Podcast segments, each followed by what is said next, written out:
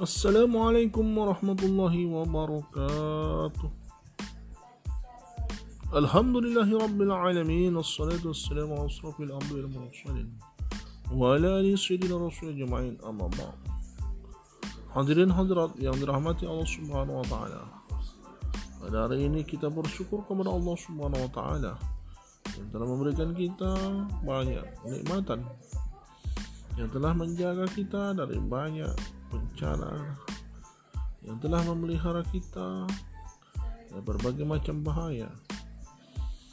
Allah Subhanahu wa taala penguasa alam semesta yang menjaga makhluknya dari utara, selatan, timur dan barat. Menjaga tujuh lapis langit dan tujuh lapis bumi yang menggerakkan seluruh makhluknya dengan kuasa dan idrat kuadratnya. Hadirin yang rahmat Allah Subhanahu wa taala. Hari ini kita mesti bersyukur kepada Allah Subhanahu wa taala karena Allah telah menjadikan kita sebagai makhluk yang terbaik yaitu sebagai manusia